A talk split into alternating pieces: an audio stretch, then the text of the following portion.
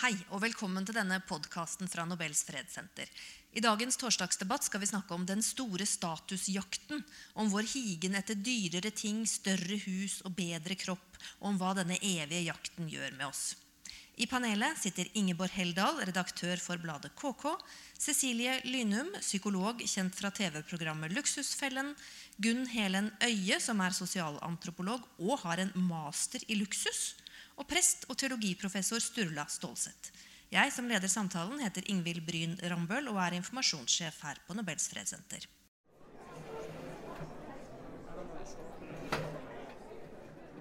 De bildene som dere så på vei inn, og som vi har rundt oss, er tatt av den amerikanske fotografen Lauren Greenfield. Dette er på mange måter hennes livsprosjekt. Hun begynte å fotografere ungdommer i miljøet der hvor hun vokste opp i Los Angeles for 25 år siden. Og Siden det så har hun dokumentert menneskenes jakt på rikdom og skjønnhet og statussymboler. Og så fant hun ut det at luksus og statusjag egentlig ikke bare var noe som var forbeholdt de rike, men at også helt vanlige mennesker hadde gått fra å sammenligne seg med naboen til å måle seg opp mot reality-stjerner og photoshoppede Instagram-profiler. Altså, mens vi tidligere gjorde det som ble kalt for 'keep up with the Joneses', så uh, begynte vi å 'keep up with the Kardashians'. Og det krever jo sitt. Og hva skjer med oss mens vi prøver på det? Det skal vi diskutere i dag. Sammen med dette flotte panelet som sitter her rundt bordet.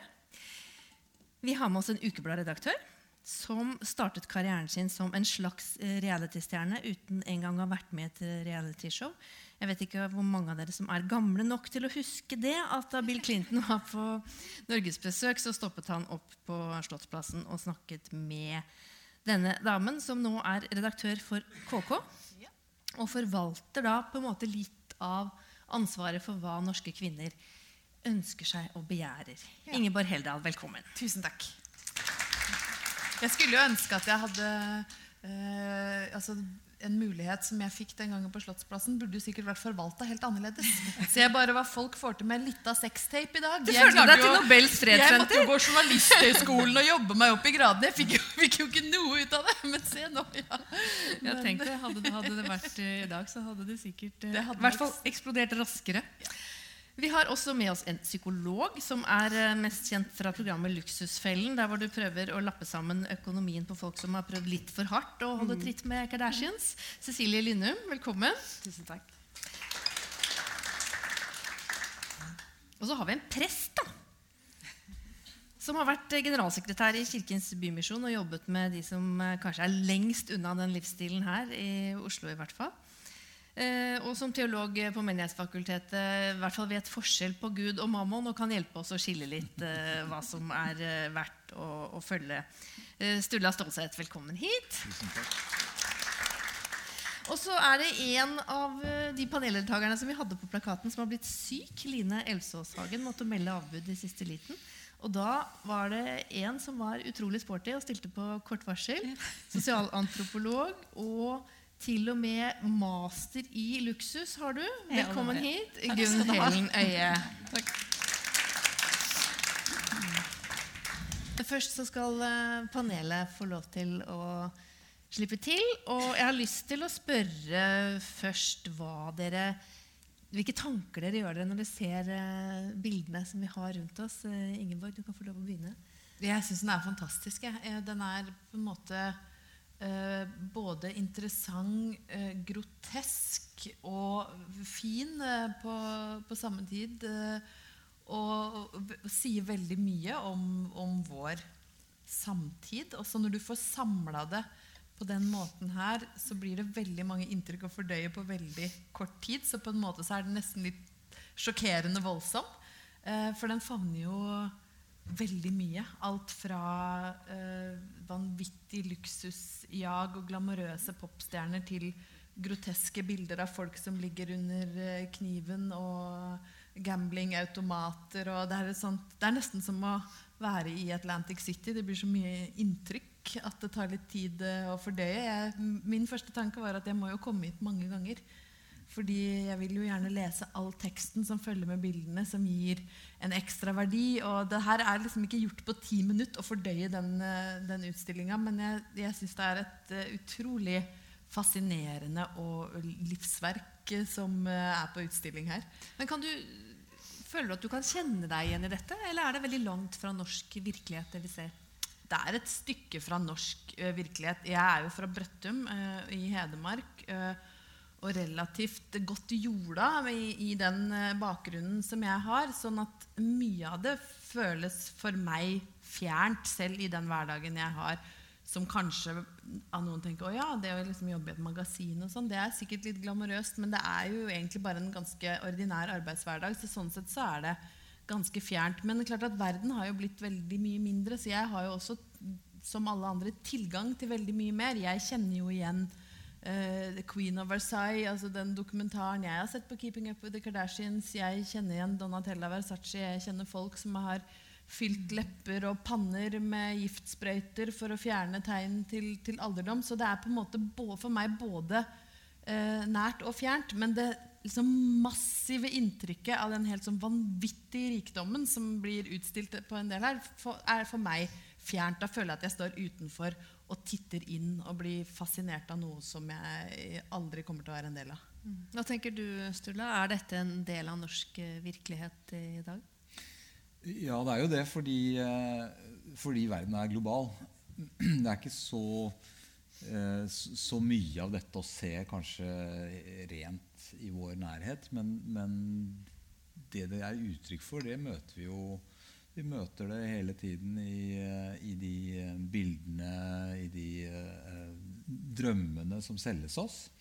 Uh, så Sånn sett så, så, er det det er sånn merkelig Det er både en sjokkerende avstand å tenke hvor gærent går det an å bli? Og samtidig så er det jo mye gjenkjennelse i at ja, men faktisk uh, Sånn er vi mennesker. Vi vil gjerne beundres. Vi liker å beundre andre. Vi, vi tenker at eh, det helt absurde også er, kan være litt kult og gøy. Liksom. Så, så, disse doble følelsene kommer når jeg ser, ser dette her.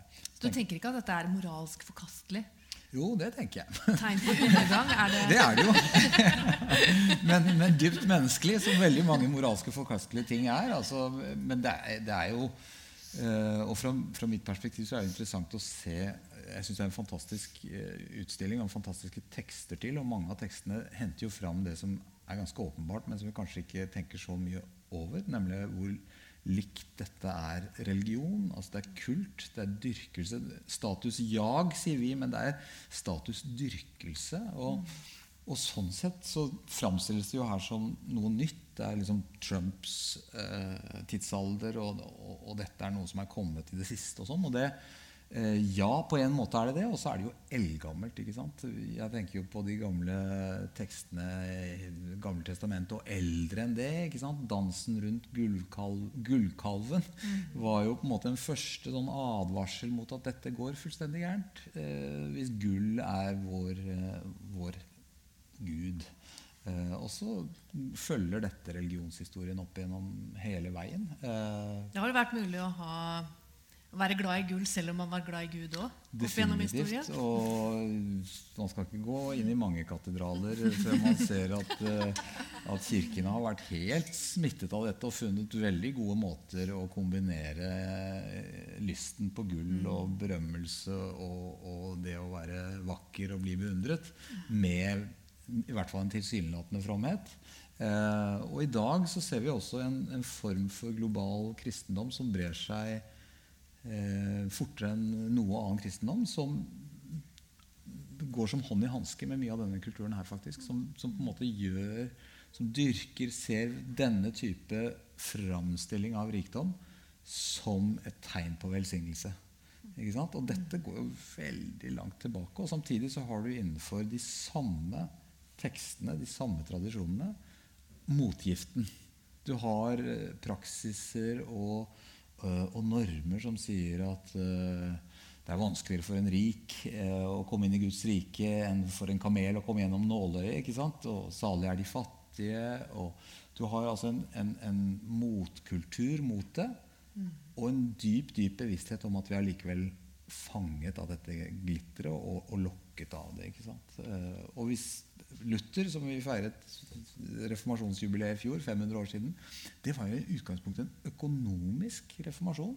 Poenget var jo at de solgte Guds tilgivelse. ikke sant? Det var penge... Det var pengejaget han var ute etter, eller kommersialiseringen av religionen.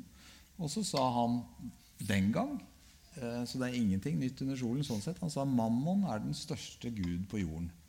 Eh, og det, det, er liksom ikke spørsmål om, eh, om Gud eller ikke Gud, men hvilken Gud. Mm. Og denne mammon-guden var jo først og fremst sett på som den Gud som førte til menneskeofringer.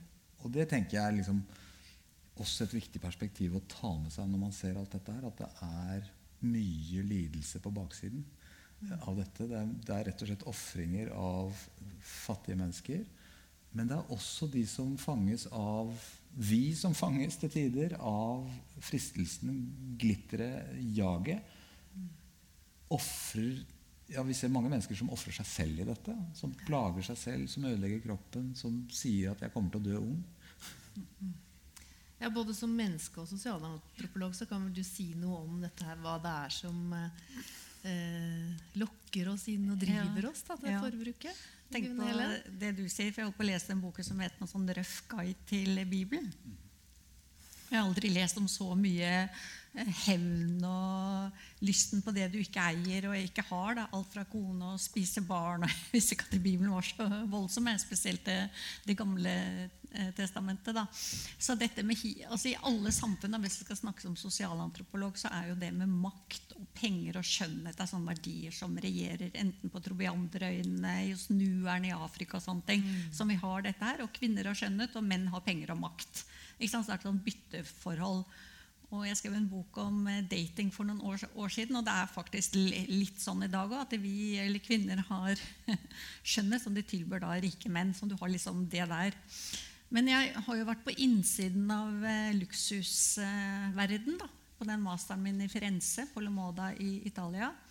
Og jeg har en sånn historie, så jeg har vært på innsiden av Prada, Ferragamo, Gucci og alle ting. Så jeg har noen sånne gode ting å ta med. seg. si det var sånn Dette er jo kjøpmenn som skal tjene penger. Og så har de noen sånne små varer, eh, sånn som leppestiften, nøkkelringer og sånn, eh, for å få deg diktet for å få deg helt sånn at du skal bli Gucci eller Prada. Fan-diktet. Det er nesten sånn som iPhone i dag funker, og Facebook funker, for å få deg da til å kjøpe større ting. Det var den ene tingen, og det var det helt åpne om. Og vi lærte om de produktene.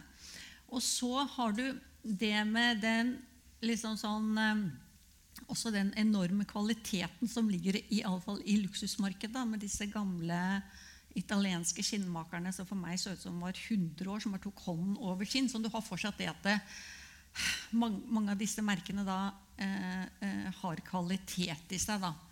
Men de skal, jo, de skal jo tjene penger. Og en historie fra eh, Bulgari-merket var jo veldig godt. Altså de, eh, alle disse luksusbutikkene ligger jo langs én gate opp den spanske trappen i Roma.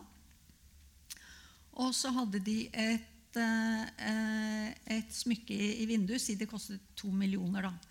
Og det ble ikke solgt. Og så dette var jo da han, toppsjefen som fortalte oss det, som var på gjesteforelesning på eh, instituttet. Og så sier han det at eh, Nei, hva gjør vi? Hva gjør vi? Nei, vi øker det til fem millioner.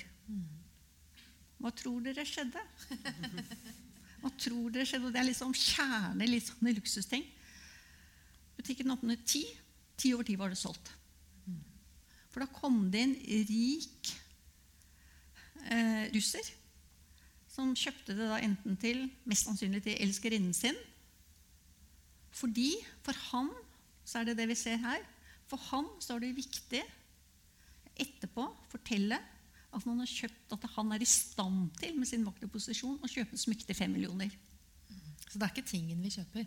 Nei. Hva er det vi kjøper? Ja, ikke sant? Og da, da eh, kjøper du hele den. Du kjøper også tingen som disse garvete eh, italienske gamle mennene gjorde. Ikke sant? Du kjøper noe som er vakkert og er kvalitet, eller vakkert i noens eh, blikk. Men du kjøper, eh, eh, spesielt på disse luxury brands, så kjøper du merke.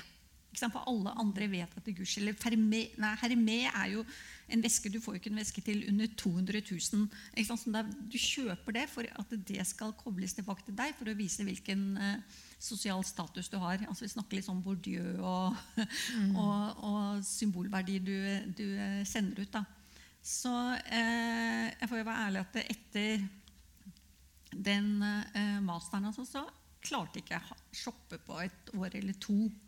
Men, men, du har jo hatt sånne ting selv. Altså, ja, du har jo hatt ja, uh, Prada-veske og ja, Bulgari-klokker. Hva, hva, gjorde de tingene med deg? Ja, jeg, si sånn, jeg forakter eller ser ikke noe på noen som fortsatt har alle de tingene. Og jeg har vært der. Men jeg eh, eh, eh, forbandt meg bare med Gucci og Prada og mente at det, eh, det eh, er de tingene jeg måtte ha for å bli meg for å bli meg. Og jeg hadde økonomi til det så, så lenge jeg var gift, og også under, masteren. Og jeg var på Keaton nede i, i eh, Napoli.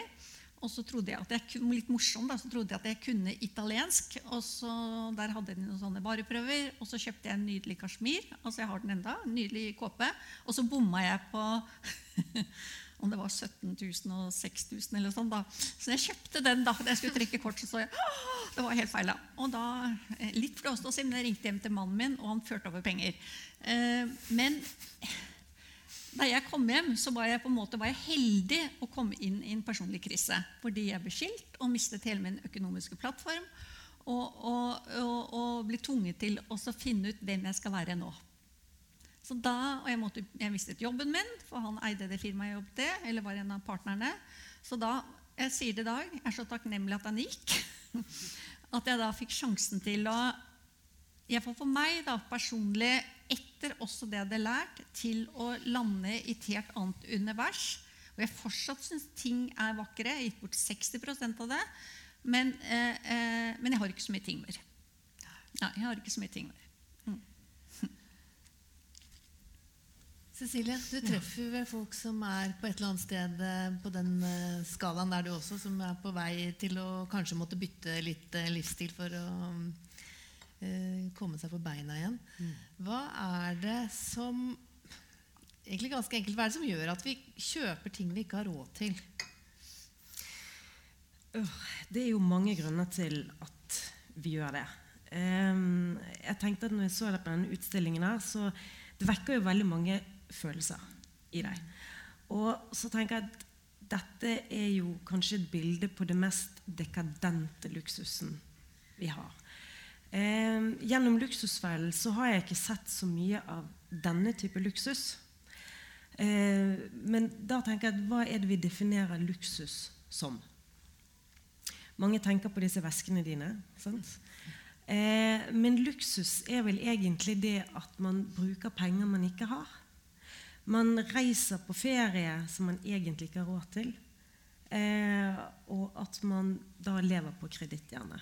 Det er en luksus å gå ut på restaurant og spise hvis man ikke har råd til det. Og det er vel mer den luksusen som jeg opplever at de i Luksusfellen unner seg. da. At de unner seg ting som for veldig mange mennesker er helt naturlig å gjøre. De reiser på dyre ferier flere ganger i året. De kjøper seg ting. Eh, de tenker ikke over hva de har av matbudsjett. De aner egentlig ikke hva de bruker i mat i måneden osv. Og så er det de da som ikke har så mye penger og lever på kreditt, som skal ha det samme livet som alle andre. Og da er det ganske kjipt å dra på ferie f.eks. til en bestemor, til hytten kanskje, hvis de er heldige å ha en hytte et eller annet sted. For da får de en opplevelse av at ja, men det ikke ordentlig ferie. Mm. Eh, og vi blir jo bombardert med da reklamer på TV sist. Sånn, det er jo en som går nå hele tiden. Sant? Har du bestilt nå eh, sommerens ferietur? Sant? Og det er jo til de mest fantastiske strendene man ser. Så sitter man da og føler på at det var jo egentlig ikke det jeg hadde råd til. eller det jeg hadde tenkt til i sommer. Men det er jo det som er ferie. Det er jo sånn folk definerer seg ferie. Og da må jeg vel dit, da. Så det er veldig mange som er flau at nei, vi har ikke hatt noe ferie i sommer, vi har bare vært på telttur og så har vi vært hos besteforeldre, og så har vi vært liksom litt rundt omkring. For det er ikke ferie. Det er ikke sånn vi definerer dette her. Men sammenligner eh, vi oss da med, med naboen og det naboen har råd til, eller er det dette vi eh, sammenligner oss med? At vi liksom mm, vi har tilgang på så mye bilder og informasjon da, av folk som lever helt andre liv. Mm. Altså, det er jo gjennom andre vi får eh, identiteten vår. Sant? Det er jo gjennom hvordan andre ser på oss, at vi får en opplevelse at 'hvem er jeg?' Sant? Hvis noen syns at 'å, hun er flott, og hun er flink', osv., så, videre, så får jeg den opplevelsen. Ja, kanskje jeg er sånn. Sant? Sånn at det er der vi skaper identiteten vår. Og hvem er vi i forhold til andre? Så vi har jo alltid skult til eh, de vi ønsker å sammenligne oss med, eller med naboen, med venner. Og vi vil gjerne være sånn som alle de andre. Eh, og da blir det veldig vanskelig når man får da Internett. Altså, det er jo globalt. altså Det er tastetrykk under, så er det 'keeping up med the Kardashians'. Sant? Og det er jo det vi ser her på denne utstillingen. Altså Det er en verden å sammenligne oss med. Det er bare ikke, det er ikke naboen lenger. Eh, men det er hele verden. Og der finner du en sånn vanvittig rikdom og en dekadense. Men som veldig mange oppfatter lever det gode liv. Og så vil vi gjerne strebe med å komme oss dit. Men i den streben så blir vi jo bare ulykkelige. Altså Det er veldig rart med altså, Norge, hvor vi egentlig har det veldig godt. De fleste har det veldig godt her økonomisk. Men vi er jo ikke så lykkelige. Vi sier at vi er på lykkenivået eh, i verdenstoppen når man skal søke om dette her. Men det er jo ikke pga. alle pengene vi har. Altså Man sier jo det sånn at hvis man tjener en cirka, ja, litt over gjennomsnittet, da kanskje 700 000 i året, så øker lykkenivået. For da har du nok penger til å kunne betale eh, de nødvendige regningene. Og så er du litt til overs for å unne deg noe ekstra. Og du slipper hele tiden å tenke på om du har råd til det helt basale i livet ditt. Og da har du et visst lykkenivå. Men når man da er kommet opp dit og streber enda mer og enda mer, og det viser jo masse forskning på lottomillionærer altså De første årene så er jo helt euforiske, sant? for der kan de jo gjøre alt. Men så, etter en tid, så går da dette lykkenivået ned. Og de som eh, du treffer i Luksusfellen, de blir ikke noe mindre lykkelige når de må forsake en del ting for å få orden på økonomien? Nei, overhodet ikke. Altså, de har jo strebet veldig mye. Altså, de melder seg ikke på Luksusfellen med en gang de ser at dette går skeis. Det tar jo flere år. For det å ha økonomiske problemer i samfunnet i dag, det er vel den største tabuen som er. Eh, det er faktisk eh, lettere for mange å si at man er blitt smittet av herpes og gonoré og andre kjønnssykdommer, eller at man har depresjoner, eller hva det måtte være, og unge mennesker står frem og forteller om sin mentale helse. Mens økonomien, privatøkonomien, at du ikke har kontroll på den, det er veldig vanskelig for folk. Og det er jo fordi at vår identitet blir også hvordan vi ser på hverandre, er hva du kan skaffe deg i verdi. Hva eier du? Hvor vellykket er du? Ikke nødvendigvis den intellektuelle kapitalen eller andre ting, andre sider ved deg. Det er hva er det du kan skaffe deg materielle ting. Å, de er vellykket. De har det ene og det andre og det tredje. Og jeg ser jo også det På Luksusfellen så er det jo kanskje en altså deltakere som er litt like. Men så får jo jeg masse, masse mail eh, på, i min sånn Facebook, eller den kontoen som er ved siden av, Messenger, eh, fra folk som 'Kan du hjelpe? Kan du, kan du hjelpe?' Vi gjør hva som helst, men vi skal ikke på TV. Ja. Og så forteller jeg sant? det er mann på vegne av sin kone, kone på vegne av sin mann, det er barn. Eh, og alle er bekymret, for nå går det skikkelig utforbakke. Så lurer jeg på hvem er disse menneskene. Så går jeg inn og så sjekker jeg profilene. Da. Og der står de utenfor nye Teslaen sin på vei til Hemsedal. Og, og liksom, De er i Marbella, de er overalt. sant? Men det går så utforbakke, og de gjør hva som helst, bare ikke på TV. Men de får da gjerne hjelp eh, ved at de får forskudd på arv. De har kanskje vært så smarte at de eier noen ting av verdi som de kan selge. Det gjør gjerne ikke de i luksusfellen. Eh, så de klarer seg på en måte. Men men den lille gruppen du ser som er deltakere nå, de er ikke representative for de som sliter med å betale gjelden sin. Det er Gud og hvermannsen, det. 100 milliarder kroner er det nordmenn har i forbrukerlån i dag. 100 milliarder kroner. Lauren Greenfield sier jo det at eh, vi, vi alle sammen står på dekk av Titanic og skåler i champagne. Uh, Ingeborg Heldal, én ting er liksom det vi, det vi kan se rundt i verden, men uh, vi ser jo mye på forsiden av ukebladene òg som kan virke fristende. Da. Har du, føler du litt sånn ansvar for å friste folk til å kjøpe ting de ikke har råd til? Mm, Jeg er veldig bevisst på hvilket ansvar jeg har. Ja. Det tenker jeg på hver eneste dag. Hver eneste sak vi lager, hvert eneste blad vi, blad vi eh, trykker, så er jeg bevisst på at jeg har en påvirkningskraft. Nå er jo jeg for så vidt ganske heldig fordi jeg sitter som en voksen redaktør for et blad som leses av voksne damer. Og jeg må innrømme at jeg var, hadde mye flere moralske kvaler når jeg som yngre redaktør satt for et blad som het Cosmopolitan, som retta seg mot jenter som var 18. Det kjentes annerledes fordi eh, gjennomsnittsleseren av KK på print i dag, hun er eh, om lag 47 år. Så det er jo en annen dame som leser det. Det er, det er vi som sitter rundt uten å fornærme noen, vi som sitter rundt bordet her. Vi som er sånn nærmer oss 40. Eh, sånn at, sånn at jeg, eh, jeg, jeg står nok mye større og tryggere i den rollen nå enn jeg gjorde eh, den gangen. Men samtidig så er det klart at jeg er bevisst at jeg har muligheten til eh, å påvirke ved å vise frem fantastiske klær, skrive hvor du kan få kjøpt de, hva de koster. Det samme med væsker eller skjønnhetsprodukter.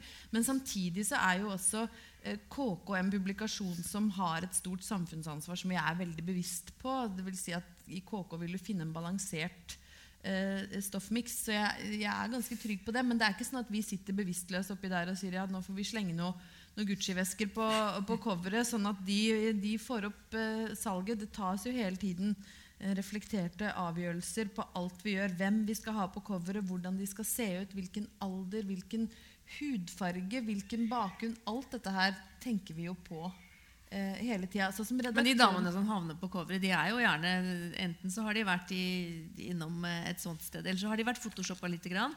Nei. Er, eh, Nei, vi, be, vi photoshopper ikke bilder. Vi med, vi bearbeider bilder, dvs. Si at vi kan justere lys eller fjerne en stygg skrukk, men vi gjør ikke folk annerledes. Nei, Og det står jeg veldig trygt i. Altså, vi endrer ikke på utseendet. Vi lager ikke større pupper eller smalere midjer eller tynnere armer. Eller, det gjør ikke KK. Men, eh, men mange blader gjør jo det. Noen det blader er, gjør det. eh, F.eks. Cosmopolitan ja, uh, gjorde det. Og det var mye vanskeligere å stå i. Så jeg er, liksom, jeg er veldig trygg i rollen som KK-redaktør fordi jeg føler at jeg kan stå veldig rakrygga i magasin, magasinbransjen fordi at KK er den merkevaren det er. Men det er klart at jeg, vi er jo en del av et større bilde, og det er jo f.eks. retusjering av bilder syns jeg er problematisk. Når en modell blir gjort tynnere på et cover enn det hun egentlig er, så utløser det et unødvendig kroppspress. Og jeg syns det er veldig bra når modeller som selv har blitt fotografert og står på cover, tar et oppgjør med Og det er det mange som har gjort. F.eks. med blader som Vogue så har skuespillere eller modeller gått ut og reagert og sagt at dette, dette bildet kjenner jeg meg ikke igjen i. Jeg er ikke så Hun som spiller hovedrollen i mm, Love Actually, Martine McCutcheon med det mørke håret som blir sammen med Hugh Grant, for alle som ser den lille julaften, hun gikk jo eh, til et voldsomt angrep på Vogue som hadde gjort henne tynnere på et, på et cover. Og det syns jeg er problematisk. Da syns jeg ikke at magasinene gjør den eh, jobben de burde. Det er no, Noe av det som, eh, som vi ser mye av i utstillingen, her, er dette med at kroppen også er en kapitalvare. Du var innom det i stad, Gunn Helen. Dette med at kvinners kapital er liksom knytta til utseende, mens menns verdi er knytta til, til makt. Ja. Uh, og da sier Greenfield at den ytterste konsekvens uh, av det er jo at man selger seg som prostituert. Eh, men har det, er det noe som på en måte har blitt verre eller mer, eh, mer problematisk i samfunnet i dag, eller har det alltid vært sånn? Altså jeg har jo sånn, hvis jeg ser i løpet av de 10 eller 20 siste årene, eller 10 siste årene, så har jeg blitt intervjuet om sånne ting siden jeg jobber med trender. Og i starten, altså for, for, ti år siden så var det sånn at da ville man ikke snakke om det. Det var bare noen kvinner, og man snek seg inn på en eh, skjønnhetssalong og tok litt uh, Botox og sånne ting. Og så har jeg sett da, liksom, hvordan, ut, hvordan, ting blir hverdagsliggjort. Det er greia hvordan blir hverdagsliggjort. For nå, og også at også menn kommer etter. Også hva som blir normalisert. For nå er det jo ikke nå kan man si at nei, jeg må stikke ut i lunsjen og ta litt, eh, litt Botox. og sånn, og så Hvordan det flytter seg mellom klasser, altså de som har mye penger, og nå helt ned som vi snakket om før vi startet, ned til som du nevnte, du var det vel, til veldig unge med konfirmasjonspengene. Å kjøpe deg da enten nye lepper eller nye eh, pupper. For det blir noe sånn standard i den flokken du, du tilhører, hva som er normalt ikke sant, med det. Mm. Men noe jeg har tenkt på alt dette her og fra den også bak den masa min, er dette med, dette med mengde. Altså med mengde, fordi at eh, i gamle dager da, så var det liksom to kolleksjoner i året. Det var vår og sommer. Fra egentlig luxury brands og alle de andre. Og nå er det kanskje opp i åtte. Og det er jo fordi at det er store sånne eh, ja, eh, organisasjoner. Det er noen få sånne svære organisasjoner som eier nesten de fleste merkene. Det er bare et par stykker, som Dolce Gabbana, kanskje et par til, som er sånn eid av eh, Prada, kanskje, som er eid av eierne. Så det er sånn press på liksom dette med mengde. Det kommer nye, det kommer nye, det kommer nye. Og jeg går jo forbi Kåss hver dag jeg går til, til jobben. Jeg tror nest, i fall Annenhver dag så er det en svær eh, lastebil utenpå for Kåss og bare laster inn med varer. Eh, og, det, og det, dette med mengden Og det er en svensk eh, professor For da jeg drev og data og ikke klarte å finne meg noen, så tenkte jeg på det. Hvorfor finner jeg ingen? og så leste jeg boken hans, som heter 'Nextopia'. Og da, jeg, da, skjønte jeg hvorfor jeg ikke fant noen. Og det handler om her også.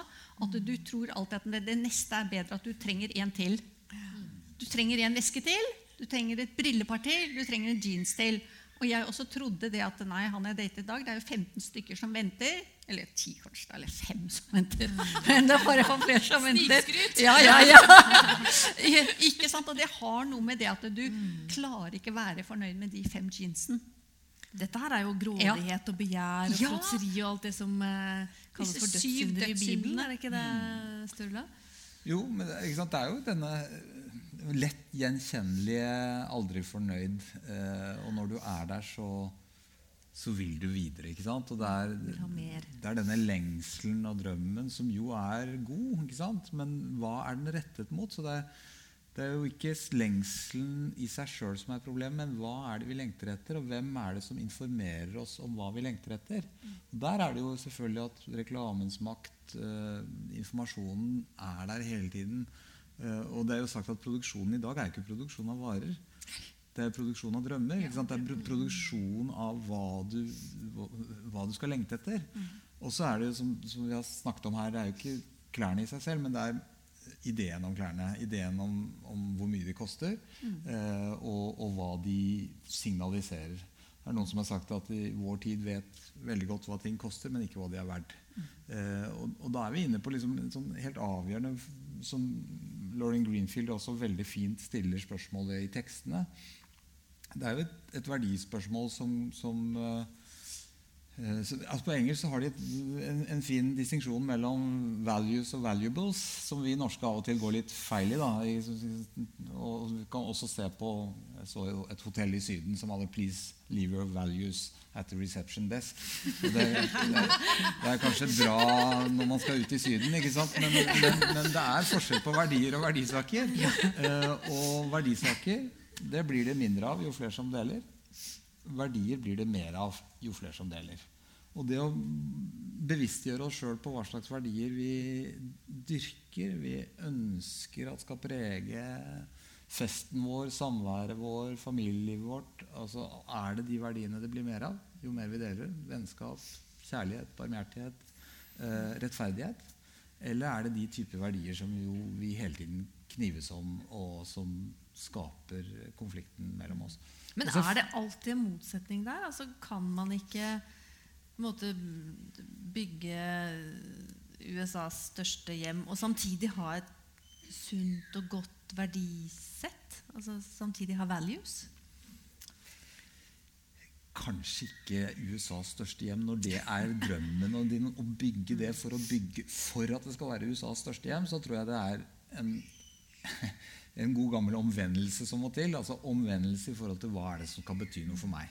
Hva Er det som virkelig skal være? Er det det at andre skal beundre huset mitt? Eller, og så tror jeg nettopp rikdom og bekymringer går hånd i hånd, som også står i, i Skriften. holdt jeg på å si. Det, det, betyr jo at i det øyeblikket du er rik, så vil det jo alltid være en snikende mistanke at selv de menneskene som du står nær, og som er vennene dine, og som du elsker Du kan aldri være trygg på at de elsker deg pga. deg selv, eller om det er pga. pengene dine eller klærne dine, eller fordi, er, fordi, det er kult å være sammen med deg av at, Så det sniker seg jo i og med at du på en måte har lengtet etter det nivået hvor du tror du kan bli elsket, så får du med på kjøpet den usikkerheten i deg selv om det egentlig er deg de elsker. Mm. Eller om det er pengene dine. Så øh, jeg, jeg, tror at det er sånn noen reelle, skarpe valg å ta. Men det betyr jo ikke at øh, det gode liv nødvendigvis er det helt sparsommelige, asketiske liv. Men det er vel noe av det du er innom, at det er nok, liksom? Ja. Men det er jo masse forbruk også som er knytta til det der med gode verdier. da, ikke sant? At du, øh, du kjøper kanskje en Tesla du ikke har råd til fordi du tenker på miljøet. Eller du Jeg tror ikke de gjorde det, da. de kunne ha kjøpt Nissan Leaf. Ja. Må ikke ha Tesla. Nei, må ikke ha Tesla i det hele tatt.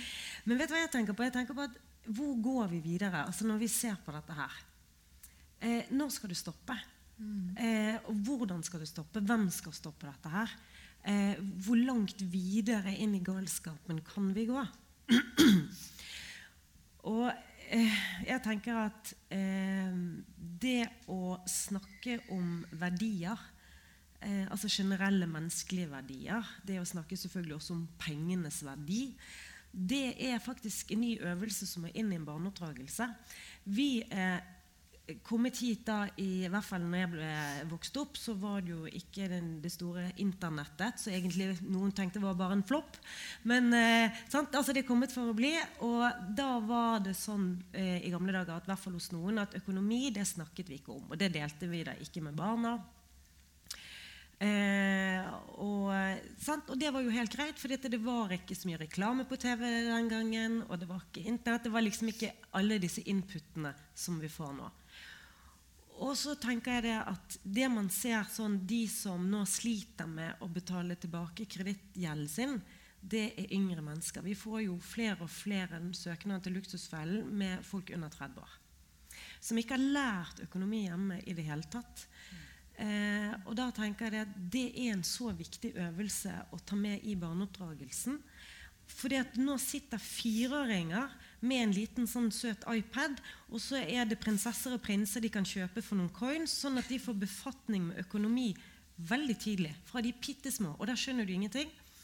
Jeg har en uh, sønn som sitter her i dag, og han sa alltid til meg når han skulle ha noe, og sa at nei, det har vi ikke råd til. Ja, men kan du ikke bare gå i minibanken, da? For da har de penger. Å ja, sant? Altså, liksom, de skjønner egentlig ikke hvor pengene kommer fra. Og så er det det at de må lære seg at de må tjene disse pengene før de kan bruke disse pengene. Så det er jo ikke så vanskelig å legge dette her inn i en barneoppdragelse. Og da er det i hvert fall én vei å gå for å kanskje begrense litt og altså putte noen andre verdier eh, i hodene på det enn at livet nødvendigvis består av eh, ytre skjønnhet eller den dyreste vesken osv. Og man får en mye mer ro av å fylle livet sitt med andre ting enn hele tiden. Den jakten, det et stress. Og det er jo veldig mange som sliter med økonomiske problemer, som også har psykiske problemer. For det følger av. De fleste sier at de sover ikke om natten. Eh, de, de, spiser ikke, ekteskap går eh, ad undas. De mister jo altså alle ting. Det er så mye som medfølger det å ikke ha kontroll på økonomien sin. Så Derfor tenker jeg at det er så viktig at man begynner med når de er små. da, Så kanskje vi kan få gjort noe med dette her. Det gjelder utseendet. Mm. Det du sier nå, er jo overførbart. ved En av mine største bekymringer eh, i tillegg til økonomi er jo det med utseendepress på unge i dag. Altså at de, Hvis ikke vi lar eh, barn og unge voksne få se hvordan et ansikt som eldes, normalt ser ut, hvordan skal de ha noe å navigere etter? Mm. Eh, det er kanskje min største kjepphest. da, er liksom min motstand mot å sprøyte gift inn i ansiktet mitt for å fjerne alle spor av levd liv. Uh, og, og det, jeg ser jo mange jenter, jeg, og det gjør jo sikkert alle som sitter her. Du kan jo bare gå en runde i utstillinga, men også i, i bransjen som, som eh, ønsker å se helt annerledes ut enn det de er. Og, og det er vanskelig å stille seg til doms over de, sant? Og det sier jo Lauren Greenfield også, at vi skal møte menneskene vi ser i utstillinga, med ydmykhet, for de viser seg på sitt mest sårbare. Og det er jo de jentene som kommer med disse overdimensjonerte leppene med vippeekstensionene sine. De har fillers i kinnbeina, de har operert kjeven, de har fiksa tenna sine, de har sprettrumpe som de har fått på chartertur i Tyrkia. De har kjempestore falske pupper. Og når du er liksom 16-17 år da, som jente på ditt aller mest usikre Jeg kan ikke sitte her og si at hvis jeg hadde hatt mulighet og penger, at jeg ikke hadde endra på noe med meg sjøl. For jeg var misfornøyd med masse, men det var ikke et alternativ for meg. Jeg måtte leve med de puppene jeg hadde, og de leppene jeg hadde, og de tenna jeg hadde. det var liksom, Jeg kunne få noen sånne bleikestriper husker jeg, for folk som hadde vært i USA. Det var liksom det nærmeste jeg kom som kunne lime på tenna og prøve å få de hvitere. Men de ble jo verken rettere, eller leppene ble jo ikke større.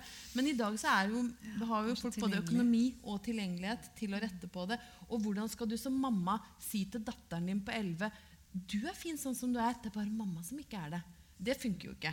Så, så den voksne generasjonen har et enormt ansvar for å vise ungene hva som er en, en vakker alderdom. Da. Eh, og det, og det, er liksom, det, det er noe av det viktigste. Og veldig mange av de som ligger under kniven i utstillinga her, og er jo voksne damer som vil ta tilbake ungdommen. Vi snakka om det i går, at det var sunt å dra i svømmehallen av og til. Bare for å få et korrektiv. Det er så deilig å Ta dra på Tøyenbadet. Og så tenker du kanskje sånn, nei, jeg vil ikke vise meg badetøy. Men du går derfra og kjenner på en sånn deilig følelse av normalitet. Og så finner du ut at jeg ser egentlig ikke så verst ut. Men kommer det, kommer det til å fortsette, eller kommer det til å være sånn eh, Gunn Helen, at om, om 20 år så er alle kroppene på Tøyenbadet også fiksa? Å nei, ikke si det. Nei, nei um, det har jo begynt liksom sånn uh, Vi har jo denne debatten her i dag, og det har jo begynt uh, litt sånn Du ser litt sånn uh, reaksjon på det. da, altså på først og fremst, Når vi snakker om ting, da, som kvitter seg med ting Disse som ikke vil eie så mye. Eh, Jeg er jo der, eller har vært der gjennom det selv. Og så, og så eh, sprer jo det seg litt til så holdt på å si det med kropp og sånn, For alle trender, alle trender, samme om det er kjøleskap eh, med vannmaskin eller alt dette, de når noen sånne piker og topper. Og vi er nok på topp nå. Ikke sant? Så kommer det eh, motreaksjon. Og jeg ser på sånn stor undersøkelse som er kjørt nå om millenniums og generasjon Z. Det er de under 16 og millenniums er de mellom 16 og 26. Så ser du hvilke verdier de i dag har. Altså bærekraftighet. De er opptatt av bærekraftighet, av second hand, av plastproblematikk og av eh, sånne identiteter som er annerledes. Eh, transseksuelle og sånne ting.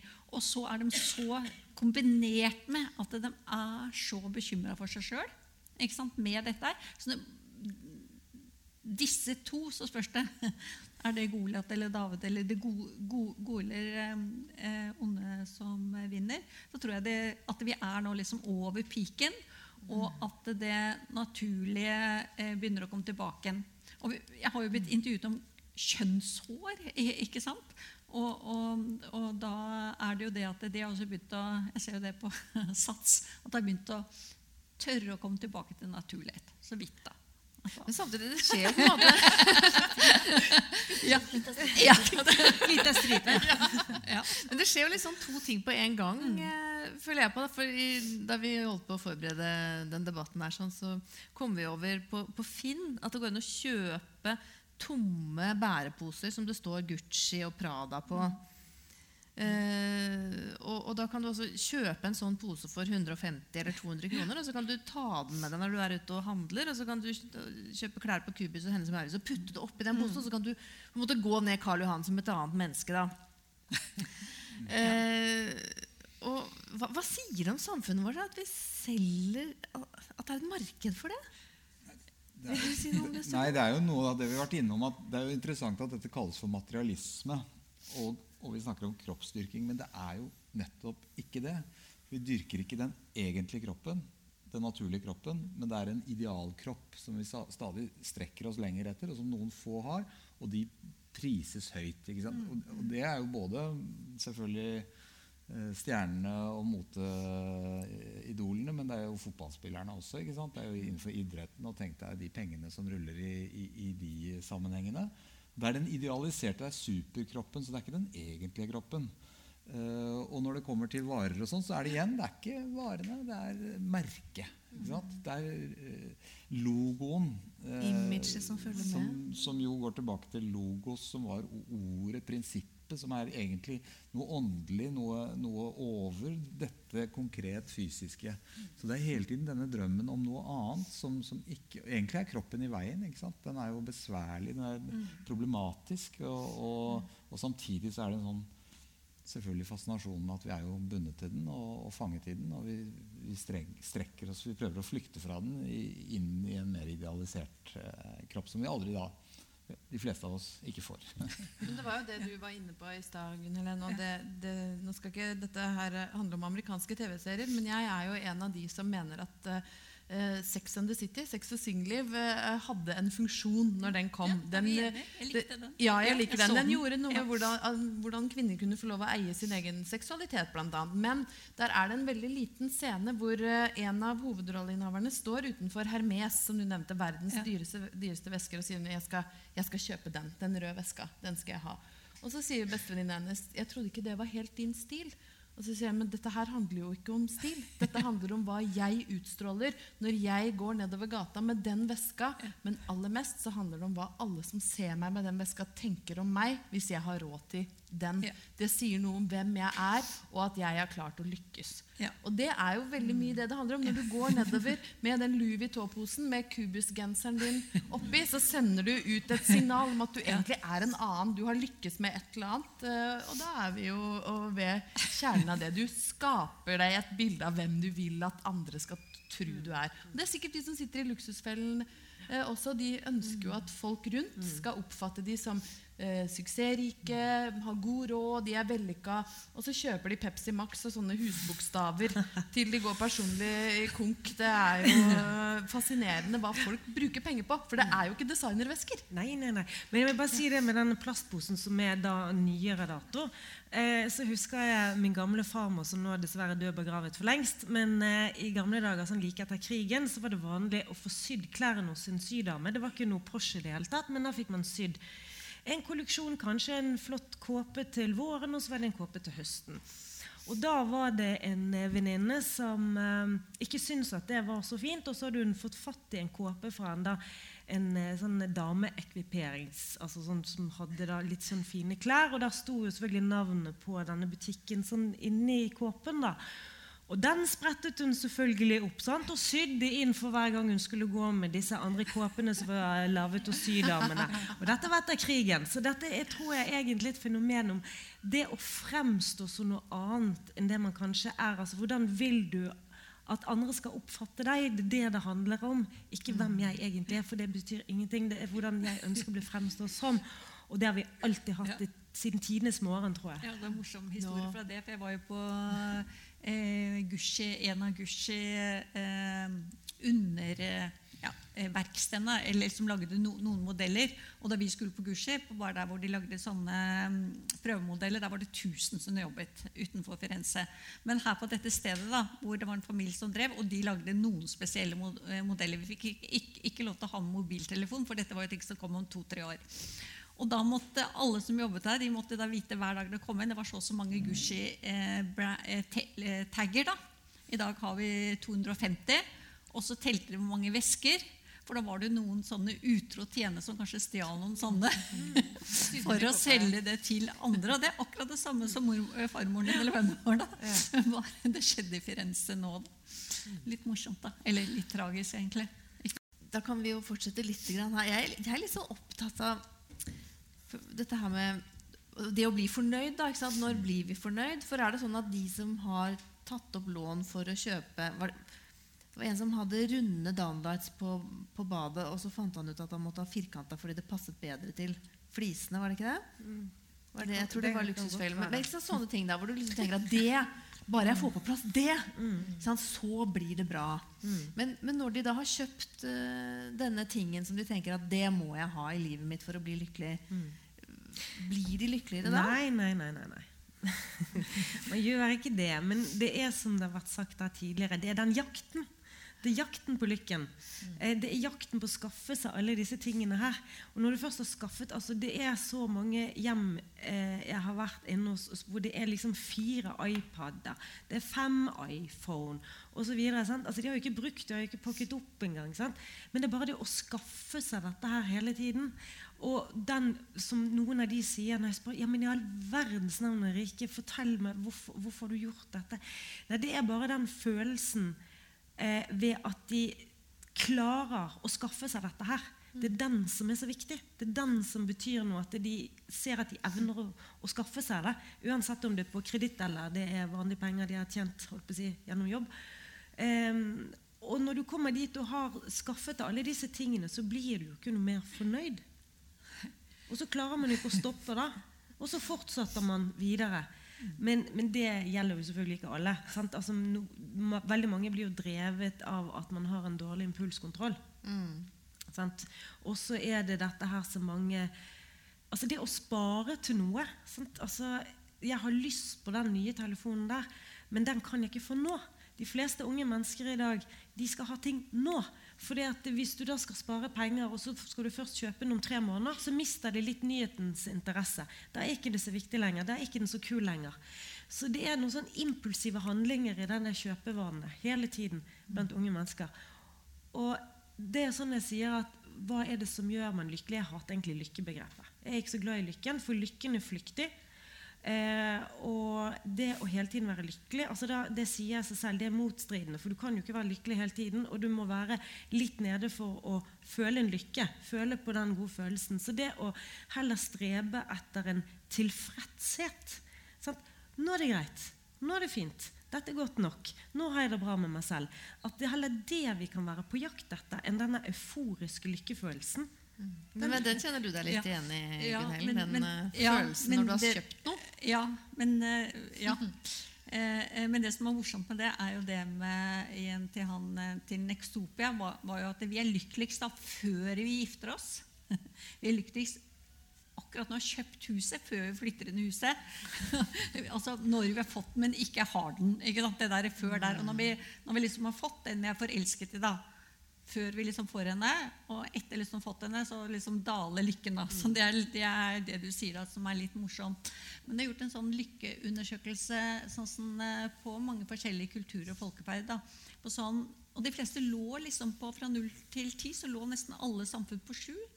En veldig rik USA, en masai, en inuitt. Den lå ganske jevnt. Og så var det et par land som lå eh, lavere. Og det var land eh, faktisk når det mål sånn som Nederland, som hadde noen store sånne incestsaker. Og også svenskene lå lavere. Eh, så det, med sånn, det var sånn som det var ikke rikdom. Altså de rike amerikanerne eh, eh, var ikke altså skåret ikke, eh, ikke høy høyere en som bodde i India, sånn en eh, hus med, laget av Hva heter det? Kumøkk. Men jeg har jo kjent på det, da, for å avslutte med det fra min side, at når jeg var på mitt verste på The Shopping eh, den gangen, eller sant, så kom jeg med alle disse bæreposene. Og sånn, så eh, fikk jeg ikke sove natt til søndag, for jeg tenkte hva er det jeg driver med, hva er det jeg gjør? Jeg hadde enda større sånn smerte i meg. Men jeg skjønte jo ikke det da. Jeg skjønner det nå. Men, men jeg måtte også gjennom det jeg måtte gjennom, og ta det oppgjøret. Ja, et spørsmål til til deg, Sturla. Hva tror du at, Hvis du tok med deg de folka som du jobbet eh, med da du jobbet i Bymisjon Hvis du tok med deg de for å se på bildene her, hva, hva ville de tenke?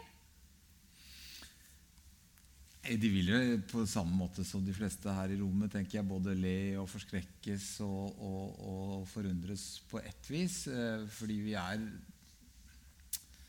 eh, I Norge så er, så er det ikke så store forskjeller som i USA. Det, og vi har en innarbeidet kultur på at store forskjeller mellom oss er vi litt ubekvemme med fortsatt.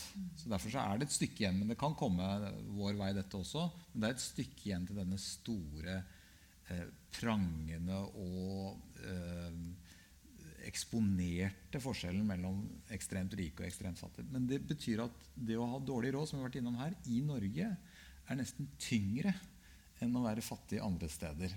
Man har det relativt sett bra, men, men i forhold til hva som forventes hvilken inngangsbillett til de sosiale eh, tingene, enten det er ferie eller hva det nå er.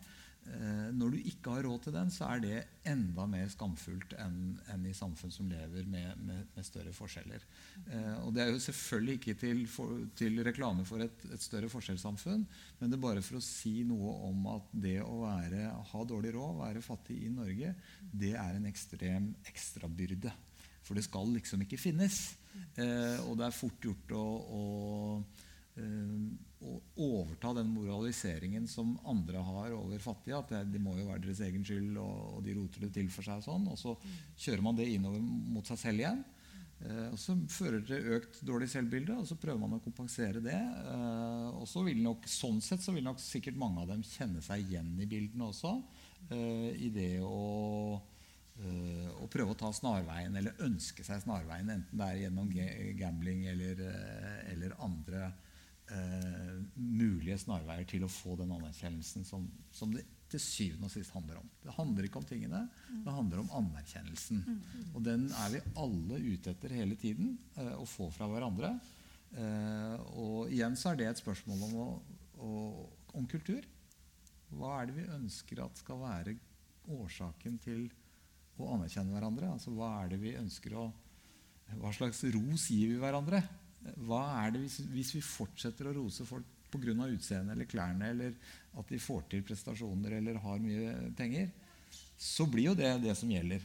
Så det gjelder å, være kanskje mer kreativ med hva det vi roser. Eh, hva slags egenskaper hos folk er det vi setter pris på, som de kan være stolte av, som ikke handler om disse Tiden går innmari fort. Eh, jeg har lyst til å slippe til eh, publikum. Eh, dere har helt sikkert noen smarte spørsmål til panelet vårt.